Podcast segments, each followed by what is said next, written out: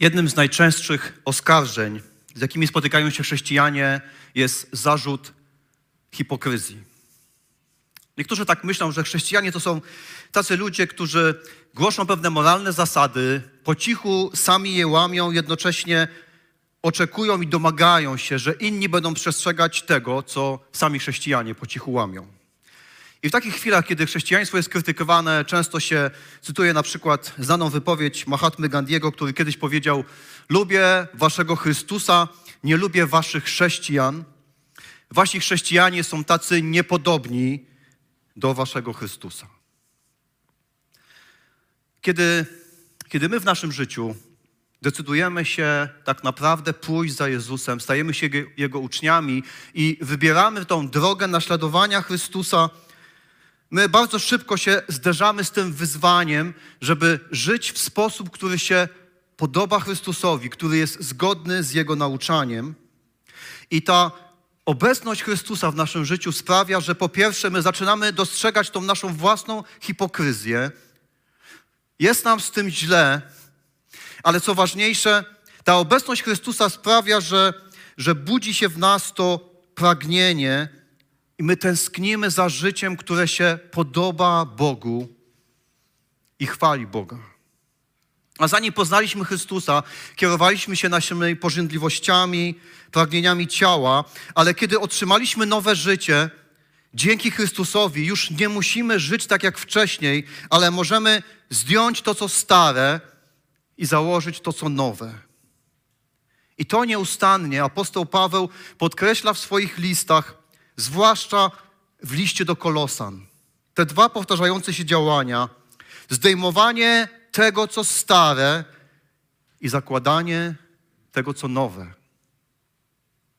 I kiedy Paweł zajmuje się tym zakładaniem nowego, zdejmowaniem starego, często wymienia pewne rzeczy, które należy odrzucić, które należy przyjąć. Ale to, co pisze Paweł, to nie są jedynie takie proste listy. To róbcie, a tego nie róbcie. Ale Paweł pisze te wszystkie nakazy i zakazy, rozumiejąc sposób, jaki Pan Bóg działa. Paweł rozumie to, że Boże działanie polega na tym, że Pan Bóg najpierw zmienia nasz sposób myślenia, potem zmienia postawę naszego serca, nasze motywacje, naszą wolę, nasze decyzje, a efektem tego jest zmiana naszego postępowania. Niestety, tak często w życiu, ale też w kościele, my popełniamy taki błąd, że zachowujemy się, za, za, skupiamy się wyłącznie na takiej próbie, próbie modyfikacji naszego postępowania. Mówimy, no, no nie możesz tak się zachowywać. Tak chrześcijanie nie postępują. Musisz przestać to i tamto. I wspólnoty chrześcijańskie są w stanie jakby stwarzać różne takie systemy, które jakby operują na tym poziomie modyfikacji zachowania. Potrafimy stworzyć taki system represyjny. No, jak to się jeszcze raz powtórzy, wylatujesz stąd. Nie ma miejsca dla ciebie w kościele. Potrafimy stworzyć taki system motywacyjny. Zachęcamy, zachęcamy, przytulamy. I w końcu ktoś się czuje taki osaczony, że tak po prostu mu głupio się jakoś wychylić, żeby nie, nie zawieść tych wszystkich fajnych ludzi, którzy są w koło, którzy tak zachęcają, którzy tak przytulają. Ale wszystkie te systemy mają pewną słabość, bo kiedy tylko ktoś jakby poczuje trochę wolności i wydobędzie się spod wpływu tego systemu, czy represyjnego, czy takiego zachęcającego, to kiedy poczujemy trochę wolności, za chwilę to, co naprawdę jest w nas, wypłynie na powierzchnię. I Paweł, pisząc do Kolosan, rozumiejąc nasze zmagania, zdejmowania starego, zakładania nowego, gdzieś w końcówce trzeciego i początku czwartego rozdziału, porusza pewne praktyczne aspekty naszego życia, z którymi wszyscy na co dzień się stykamy. I zaczyna od czegoś, co jest absolutnym centrum życia każdego z nas, od życia w rodzinie, a dokładniej zaczyna od małżeństwa. Posłuchajmy rozdział trzeci od wiersza 18. Paweł pisze: Żony, bądźcie uległe mężom, jak przystoi osobom, które należą do Pana. Mężowie, kochajcie żony i nie odnoście się do nich z goryczą. Dzieci, bądźcie we wszystkim posłuszne rodzicom, gdyż to jest miłe Panu. Ojcowie, nie wywołujcie u swoich dzieci rozżalenia, aby nie ulegały zniechęceniu. Kilka aspektów rodzinnego życia. Zaczynamy od małżeństwa. Mówienie w naszej rzeczywistości, w której żyjemy, o uległości, można by trochę porównać do chodzenia po zamarzniętym jeziorze przy temperaturze plus 10 stopni. Ale spróbujmy. O słowo uległość jest jednym chyba z najbardziej współcześnie znienawidzonych słów przez kobiety, a z drugiej strony jednym z najbardziej niezrozumiałych pojęć w naszym świecie. Ponieważ to znaczenie słowa uległość zostało rażące, rażąco zniekształcono, zniekształcone i w imię uległości zrobiono w przeszłości, a może nadal robi się wiele złych, niewłaściwych rzeczy. I pierwszą rzeczą, którą należy powiedzieć, jest to, że uległość nie oznacza braku równości, uległość nie oznacza dominacji nad kimś czy jakiejś dyktatury. A w tym fragmencie mowa jest o uległości żon, ale to nie jest tak, że słowo uległość jest takim seksistowskim słowem w Biblii, zawsze skierowane do kobiet. Nie, ono jest równie często kierowane jak do kobiet, tak też i do mężczyzn. Bo relacje społeczne mają to do siebie, że one nie są możliwe bez tego elementu uległości, bez tego, że ludzie wzajemnie sobie ustępują, ulegają, poddają się jedni drugim. Dlatego Paweł na przykład do Efezjan pisze o tym, że chrześcijanie, że mąż i żona mają sobie wzajemnie ulegać, mają sobie wzajemnie podporządkowywać. A najwybitniejszym przykładem uległości jest postawa naszego Pana, Jezusa, który ulega, który poddaje się swojemu Ojcu. Widzimy, że jakby w swojej naturze, w swojej istocie trójjedyny Bóg stosuje uległość.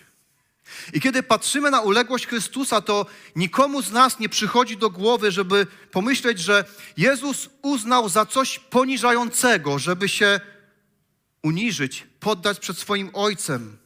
Tak naprawdę, jak czytamy, Jezus właściwie był tym zachwycony. Kiedy miał 12 lat i się zgubił w czasie święta i kiedy go odnaleziono, on mówi, słuchajcie, czemu się dziwicie? Ja przecież muszę być w tym, co jest mojego Ojca. Jezus swojej uległości nie uważał za, za żadne zagrożenie dla równości, która była między nim a Ojcem. Dlatego uleganie komuś nie oznacza, że jesteś niższy, że nie ma równości. Takie rozumowanie jest mylące i w biblijnym tym sensie uległość oznacza ustęp, ustąpienie komuś w dobrym i właściwym celu. I Paweł nie tylko pisze o tym, ale dodaje powód, dlaczego powinno być. Właśnie, tak właśnie powinno być. I Paweł pisze, jak przystoi osobom, które należą do Pana.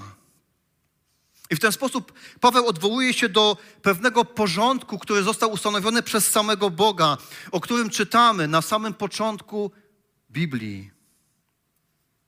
To jest porządek, który mówi o tym, że mężczyźni i kobiety zostali stworzeni przed Bogiem jako równi sobie, jako równi w zdolności do życia, które przynosi Bogu chwałę. To jest porządek, który mówi, że mężczyźni i kobiety są stworzeni do życia z różnymi rolami i zadaniami, zwłaszcza kiedy to odnoszą się do siebie. To jest ten porządek, który mówi, że małżeństwo jest planem i pomysłem Boga.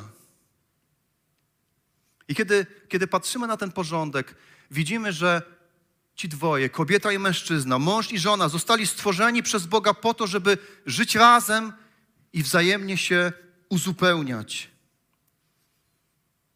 I kiedy, kiedy mąż skupia się na tym swoim zadaniu i wypełnia tą swoją rolę w zamierzony przez Boga sposób, to wezwanie i zadanie dla jego żony staje się bardziej naturalne i łatwiejsze. I to działa w obie strony. Niestety, tak jak wszystko w naszym świecie, Także między, te, relacje między kobietą a mężczyzną zostały zniekształcone, zniszczone poprzez grzech. Dlatego Paweł przypomina, że to jest właściwe, kiedy żony ulegają swoim mężom, bo to jest właściwe, bo Bóg w swojej dobroci, w swojej mądrości, w swojej łasce ustanowił pewien ład i porządek. Nie po to, żeby utrudniać życie.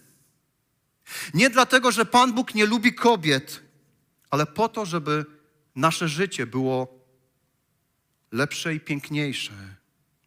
I w małżeństwie jest wiele momentów, kiedy, kiedy trzeba ustąpić tej drugiej osobie, kiedy trzeba poddać się i wspierać tą drugą osobę. I mówienie o uległości ma tą wielką zaletę, ponieważ ono podkreśla potrzebę tego, że nikt nie jest samowystarczalny, ale my wszyscy w naszym życiu potrzebujemy wsparcia drugiej osoby.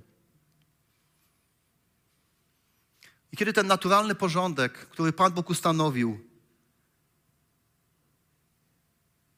zaczyna być burzony w naszym życiu, kiedy, kiedy żona nie wspiera męża, nie podtrzymuje go i w ten sposób nie okazuje tego, czego mężczyźni najbardziej potrzebują szacunku, efektem tego jest chaos w małżeństwie. I może, może właśnie dlatego współczesne małżeństwo jest w takim wielkim kryzysie. Z powodu zniekształcenia i odrzucenia tej koncepcji. Dlatego Paweł zwraca się do żon i mówi: Ulegajcie swoim mężom, podążaj za nim. Nie w rzeczach, które są niewłaściwe, ale podążaj za swoim mężem w tym wszystkim, co słuszne. Okazuj, że stoisz z nim i za nim. Ustępuj, wspieraj go w jego roli, którą jest przewodzenie waszej rodzinie poprzez służenie twojej rodzinie i poprzez opiekowanie się twoją rodziną. I warto dodać, że, że to są słowa skierowane do żon, nie do mężczyzn, nie do mężów. Mąż nie jest odpowiedzialny za rozliczanie swojej żony z uległości. Bo nie można żądać uległości. Ojciec nie żądał uległości od syna. To było dobrowolne działanie syna.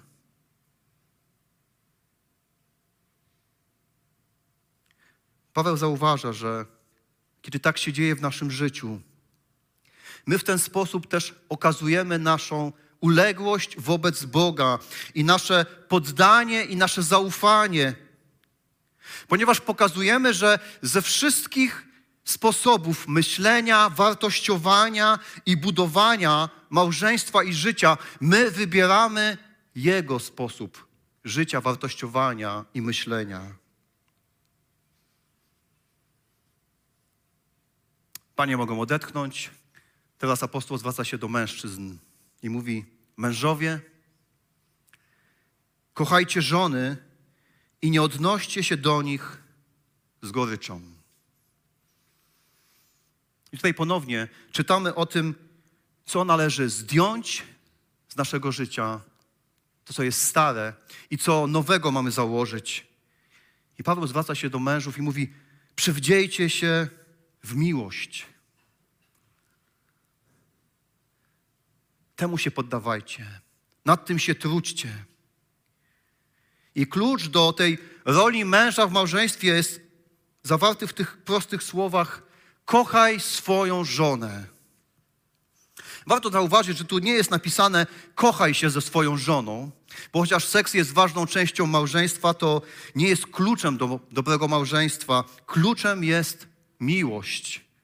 Dlatego napisane jest kochaj swoją żonę. I Paweł mówiąc o miłości od, od, odnosi się do tego czasownika agape, który opisuje tą bezwarunkową, pełną poświęcenia miłość. To jest ta miłość, którą Pan Bóg darzy nas, ludzi. I do takiej miłości wzywani są mężowie wobec swoich żon. Kochaj swoją żonę. Szanuj, doceniaj, wspieraj, przebaczaj, chroń, zachwycaj się nią Dbaj o każdy aspekt jej życia, to jest bezinteresowna, ofiarna miłość, w której nie ma miejsca na jakąkolwiek formę przemocy, dominacji, krzywdzenia. To jest miłość, która prowadzi do tego przewodzenia w rodzinie poprzez służenie i opiekowanie się rodziną. To jest miłość, która wymaga od nas mężczyzn nieustannego zabiegania. Tego się nie da załatwić tylko w walentynki, w rocznicę ślubu. To jest miłość, która się toczy dzień po dniu. Taką miłość mają założyć mężowie, a tym, co mają zdjąć, jest gorycz, która jest częścią starej natury. Zgorzknienie, chowanie, urazy, sarkazm to są krzywdzące, to są niszczące postawy wobec kobiet. Szorstka przyjaźń sprawdza się w gronie mężczyzn. Mężczyźni mogą być ostrzy wobec siebie, a potem wzruszają ramionami. Życie toczy się dalej. Ale takie traktowanie swojej żony może ją głęboko zranić. Dlatego Paweł zwraca uwagę i mówi: odłóż te cechy krytyki, sarkazmu, odłóż tą grzeszną skłonność do szorstkości, zgorzknienia, do nieuprzejmości, bo, bo to są rzeczy, które pochodzą ze starego życia. A skoro jesteś w Chrystusie, nie musisz już tak żyć. Nie musisz już tak postępować. Gorycz, która się sączy codziennie, nie udziela wsparcia, ona niszczy, ona nie zachęca do uległości. Zamiast tego,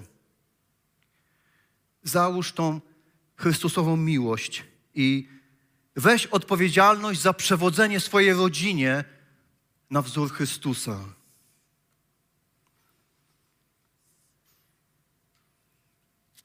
Panowie mogą odetchnąć, a teraz ciężki moment dla wszystkich dzieci. Dzieci, bądźcie we wszystkim posłuszne rodzicom, gdyż to jest miłe Panu. Ojcowie, nie wywołujcie u swoich dzieci rozżalenia, aby nie ulegały zniechęceniu. Słowo posłuszny ma w sobie to znaczenie słuchania kogoś. I Paweł po prostu zachęca dzieci, aby słuchały swoich rodziców i aby uznawały to, że ich rodzice mają autorytet i władzę nad nimi. I to przykazanie jest bardzo proste. Dzieci mają być posłuszne swoim rodzicom. Ale Paweł znowu dodaje ten jeden ważny element. Dlaczego ma tak być? To podoba się Panu. Dlaczego to podoba się Bogu? Dlaczego to jest miłe? Po pierwsze, dlatego, że to zachowuje spokój w rodzinie.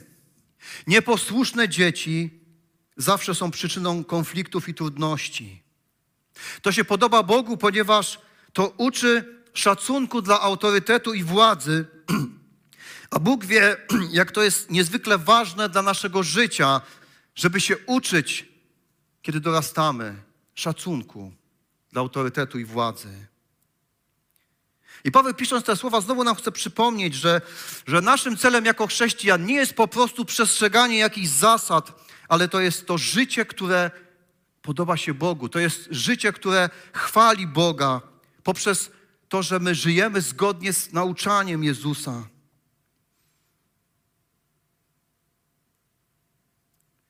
I w tych słowach tak naprawdę Paweł kieruje się też, zwraca się też do nas rodziców, aby pokazać nam, że to jest nasze zadanie, nas rodziców, pomóc znaleźć naszym dzieciom związek pomiędzy posłuszeństwem rodziców, rodzicom, a podobaniem się Bogu.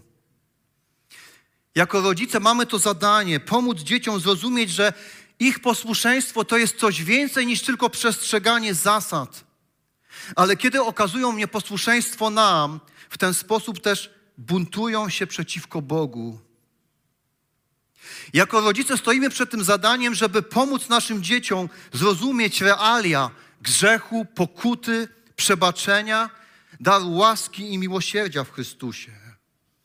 Więc kiedy jako rodzice stykamy się z nieposłuszeństwem naszych dzieci, o wiele bardziej mamy się troszczyć o serca naszych dzieci przed Bogiem, a nie po prostu o spokój dla nas w naszym domu. Nasz komfort, nasze preferencje nie są wystarczająco dobrymi miernikami. Więc każdy rodzic ma do wykonania tą trudną pracę patrzenia na serce swojego dziecka. Nie tylko na czyny, nie tylko na dyscyplinę, ale na pomaganie dziecku życia i budzenia tego pragnienia, podobania się Bogu. W tym kontekście Paweł pisze oczywiście o dzieciach, które żyją pod opieką i zaopatrzeniem rodziców, ale warto zaznaczyć, że to przykazanie szacunku, posłuszeństwa nie jest ograniczone wiekiem, ale ma swój wyraz na każdym etapie życia. A potem Paweł pokazuje nam jakby drugą stronę medalu i kieruje słowa do rodziców, jakby szczególnie do ojców, jakby dobrze rozumiejąc to, że to mężczyźni mają tą tendencję do zaniedbywania swoich ojcowskich obowiązków. Ojcowie, nie wywołujcie u swoich dzieci rozżalenia, aby nie ulegały zniechęceniu. To nie oznacza, że jako rodzic nie możesz zrobić niczego, co sprawi, że Twoje dziecko będzie rozżalone czy poirytowane, bo bycie konsekwentnym często sprawia, że dzieci są pełne irytacji. Tego nie jesteśmy w stanie uniknąć, ale jest tu mowa o takim pewnym nieustannym i nieustannym życiu i nękaniu, irytowaniu własnych dzieci.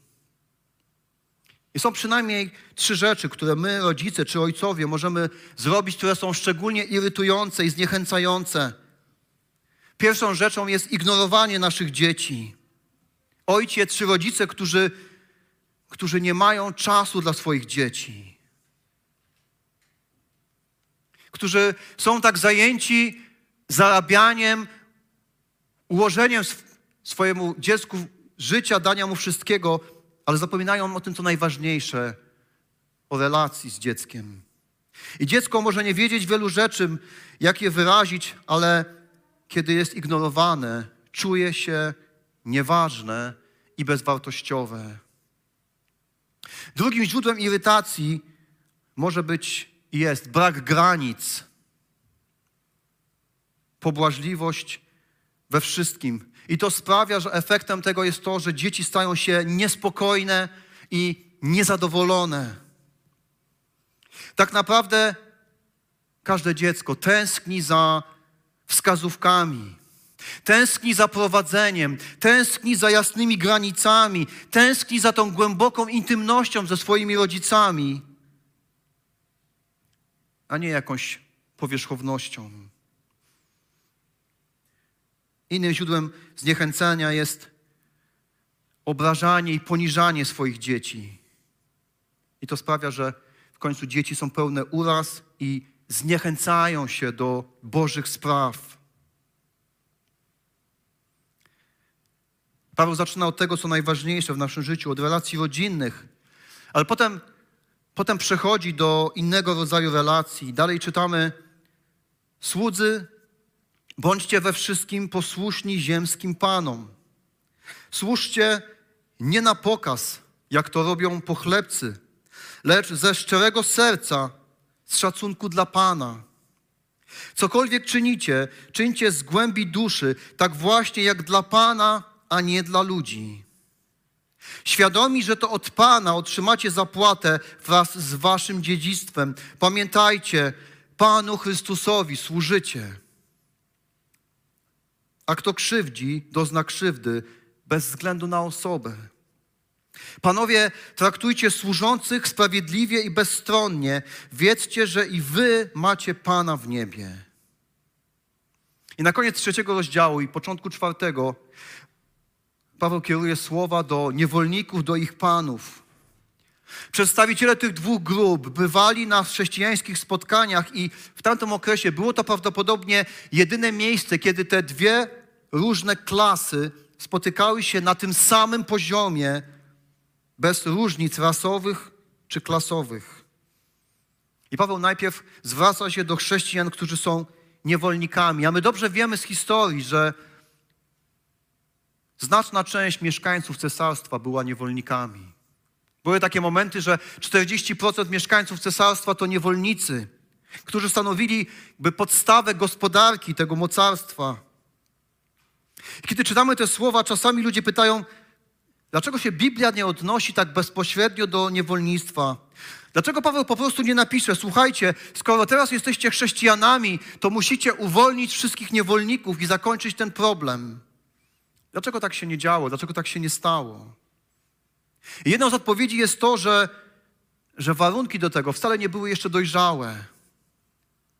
Wiemy z historii o powstaniach niewolników.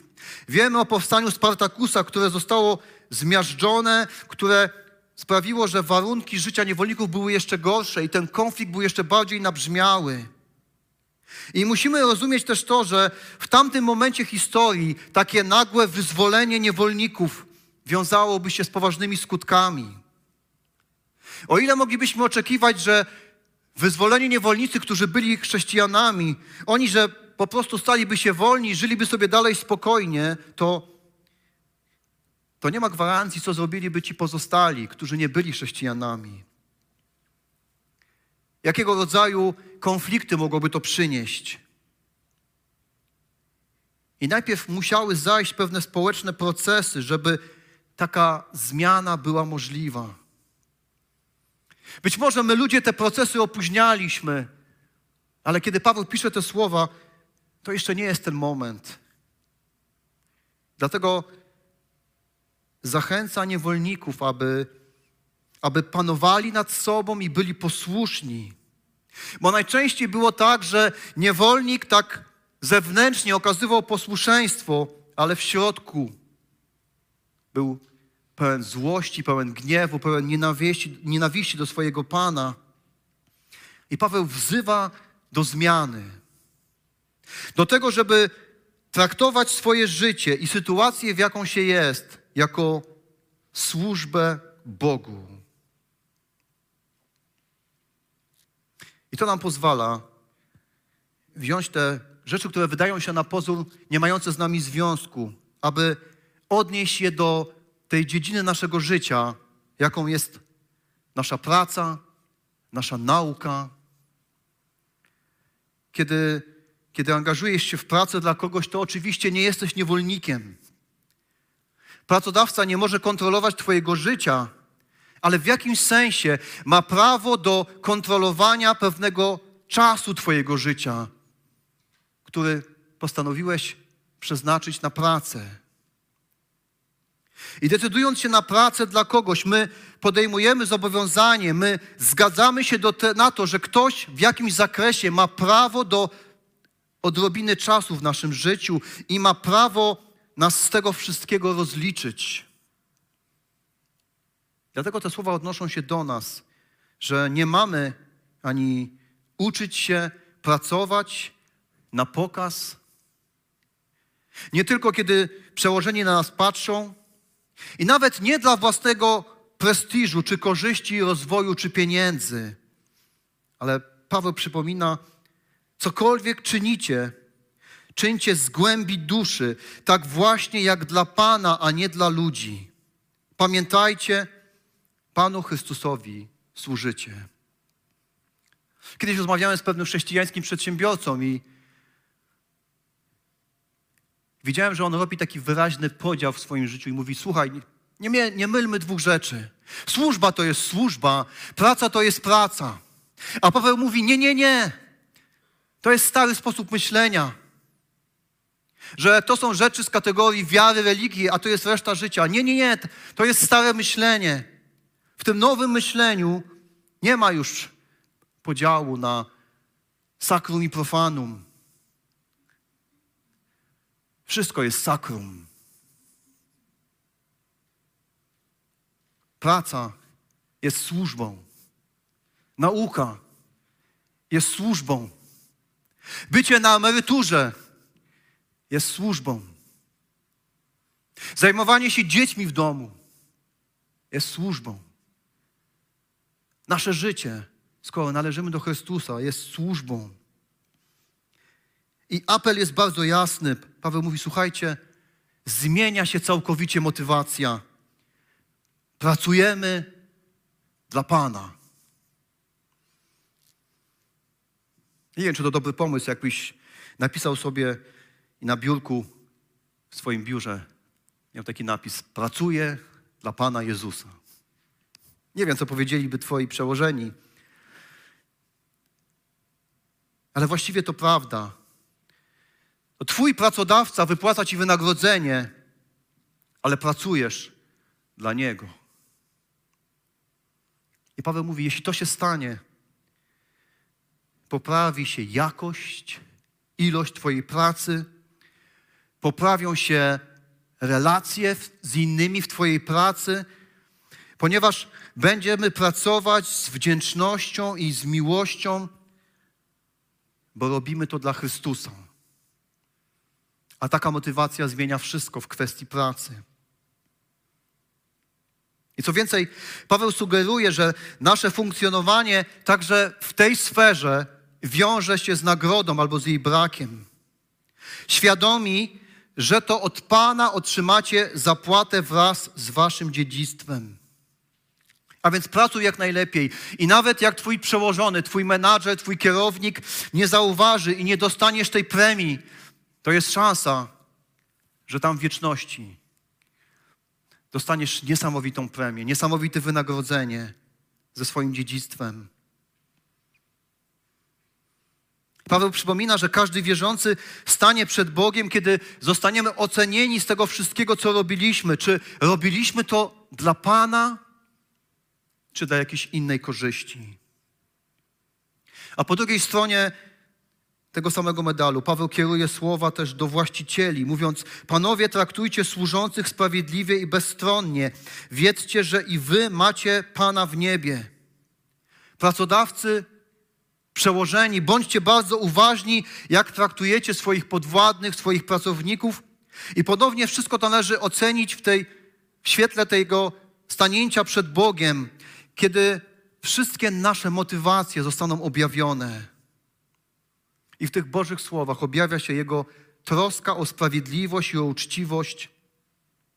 To jest to przypomnienie, że ci przełożeni, że pracodawcy mogą uczynić to powołanie swoich podwładnych, swoich pracowników, żeby pracować jak dla Pana, mogą uczynić to łatwiejszym i prostszym.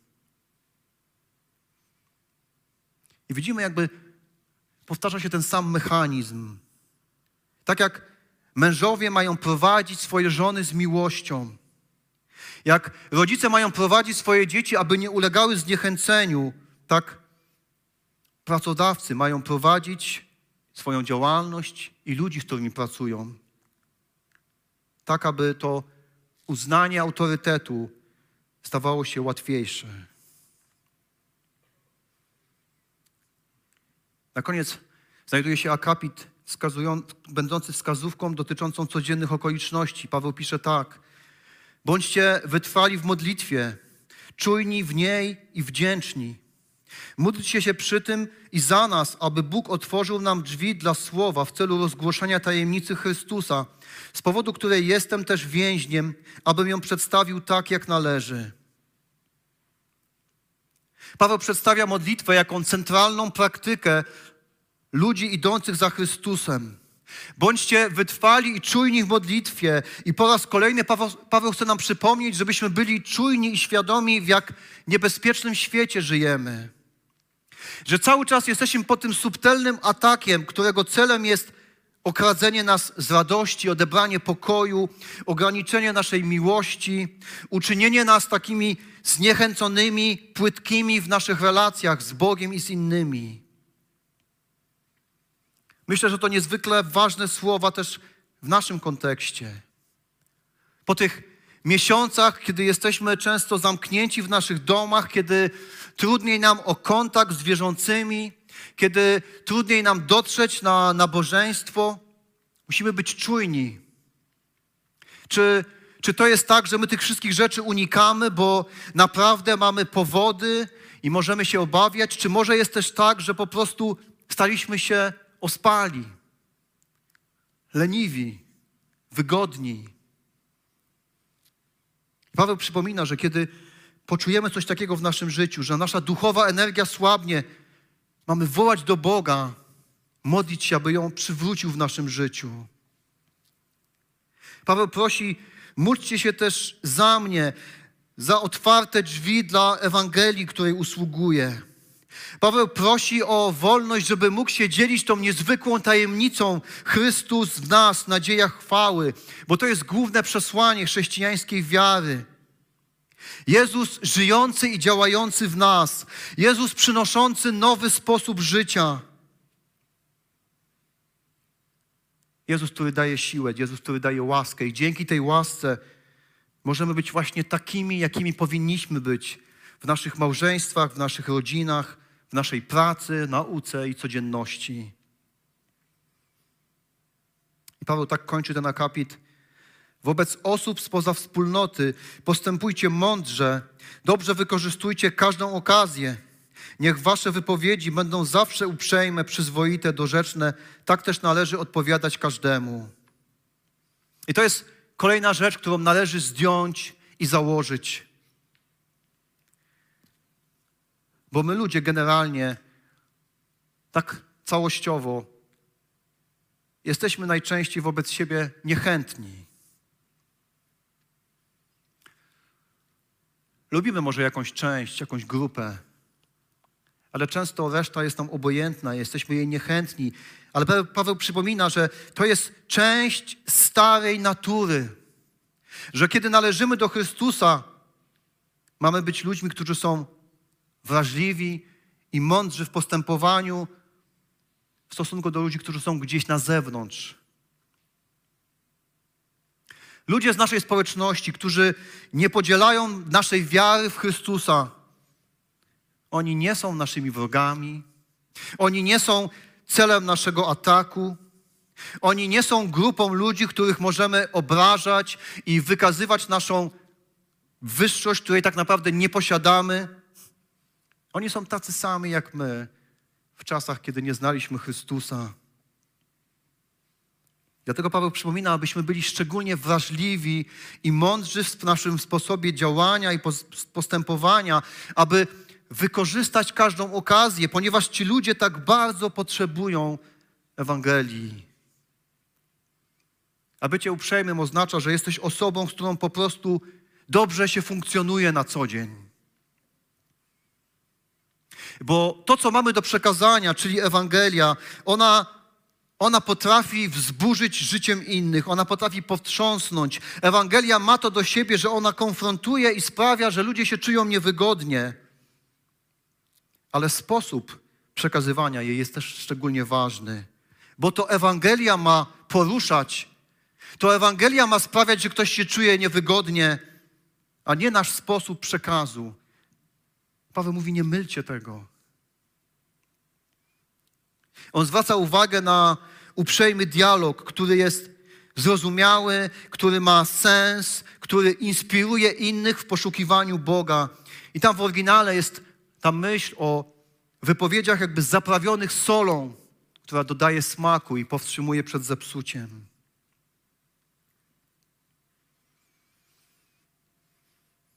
Kiedy podążamy za Chrystusem z tym pragnieniem, żeby podobać się Jemu, Możemy to wszystko, co pisze Paweł, uznać za kolejną listę rzeczy do wykonania.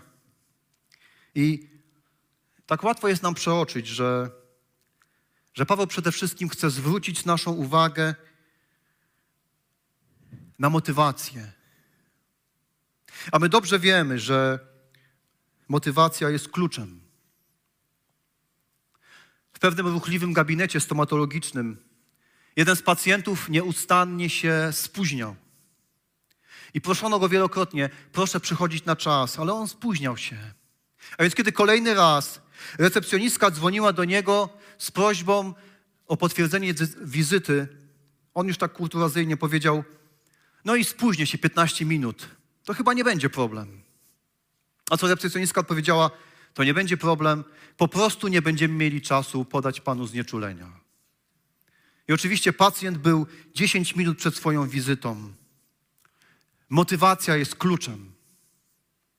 E, w ostatnim czasie w literaturze dotyczącej rozwoju, biznesu, życiowego spełnienia, możemy się spotkać z takim określeniem: znajdź swoje dlaczego.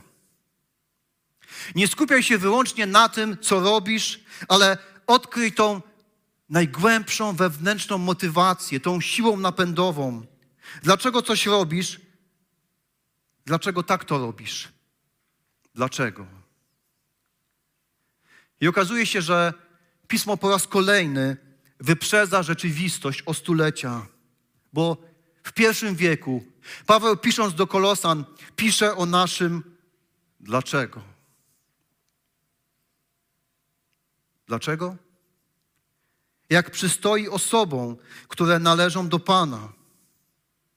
Gdyż to jest miłe Panu, z szacunku dla Pana. Pamiętajcie, Panu Chrystusowi służycie w celu rozgłoszenia tajemnicy Chrystusa. Pragnienie życia w sposób, który podoba się Bogu, nie wynika z tego, że, że tak trzeba, że tak nas nauczyli rodzice, że chcemy mieć udane życie. Nie dlatego, że nas tak uczy Kościół i nawet nie dlatego, że tak jest napisane w Biblii. Nasze dlaczego, nasza najgłębsza motywacja zamyka się w jednym słowie: Jezus. Powstańmy do modlitwy.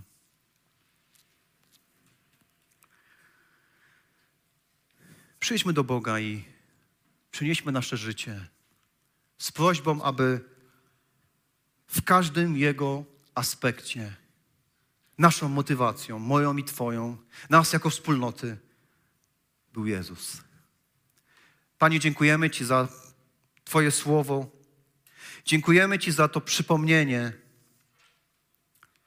że zakładając to, co nowe, zdejmując to, co stare, naszą motywacją, naszą siłą, naszym powodem, naszym dlaczego jest Twój Syn, Jezus Chrystus. Panie, przychodzimy dzisiaj do Ciebie z każdą sferą naszego życia i prosimy Cię.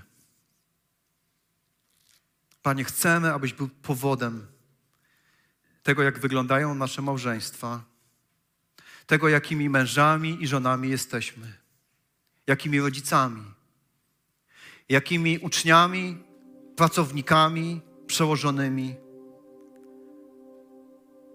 jakimi Twoimi uczniami jesteśmy. Panie, Ty jesteś powodem. Ty jesteś naszym dlaczego. Tobie niech będzie chwała i cześć. Amen.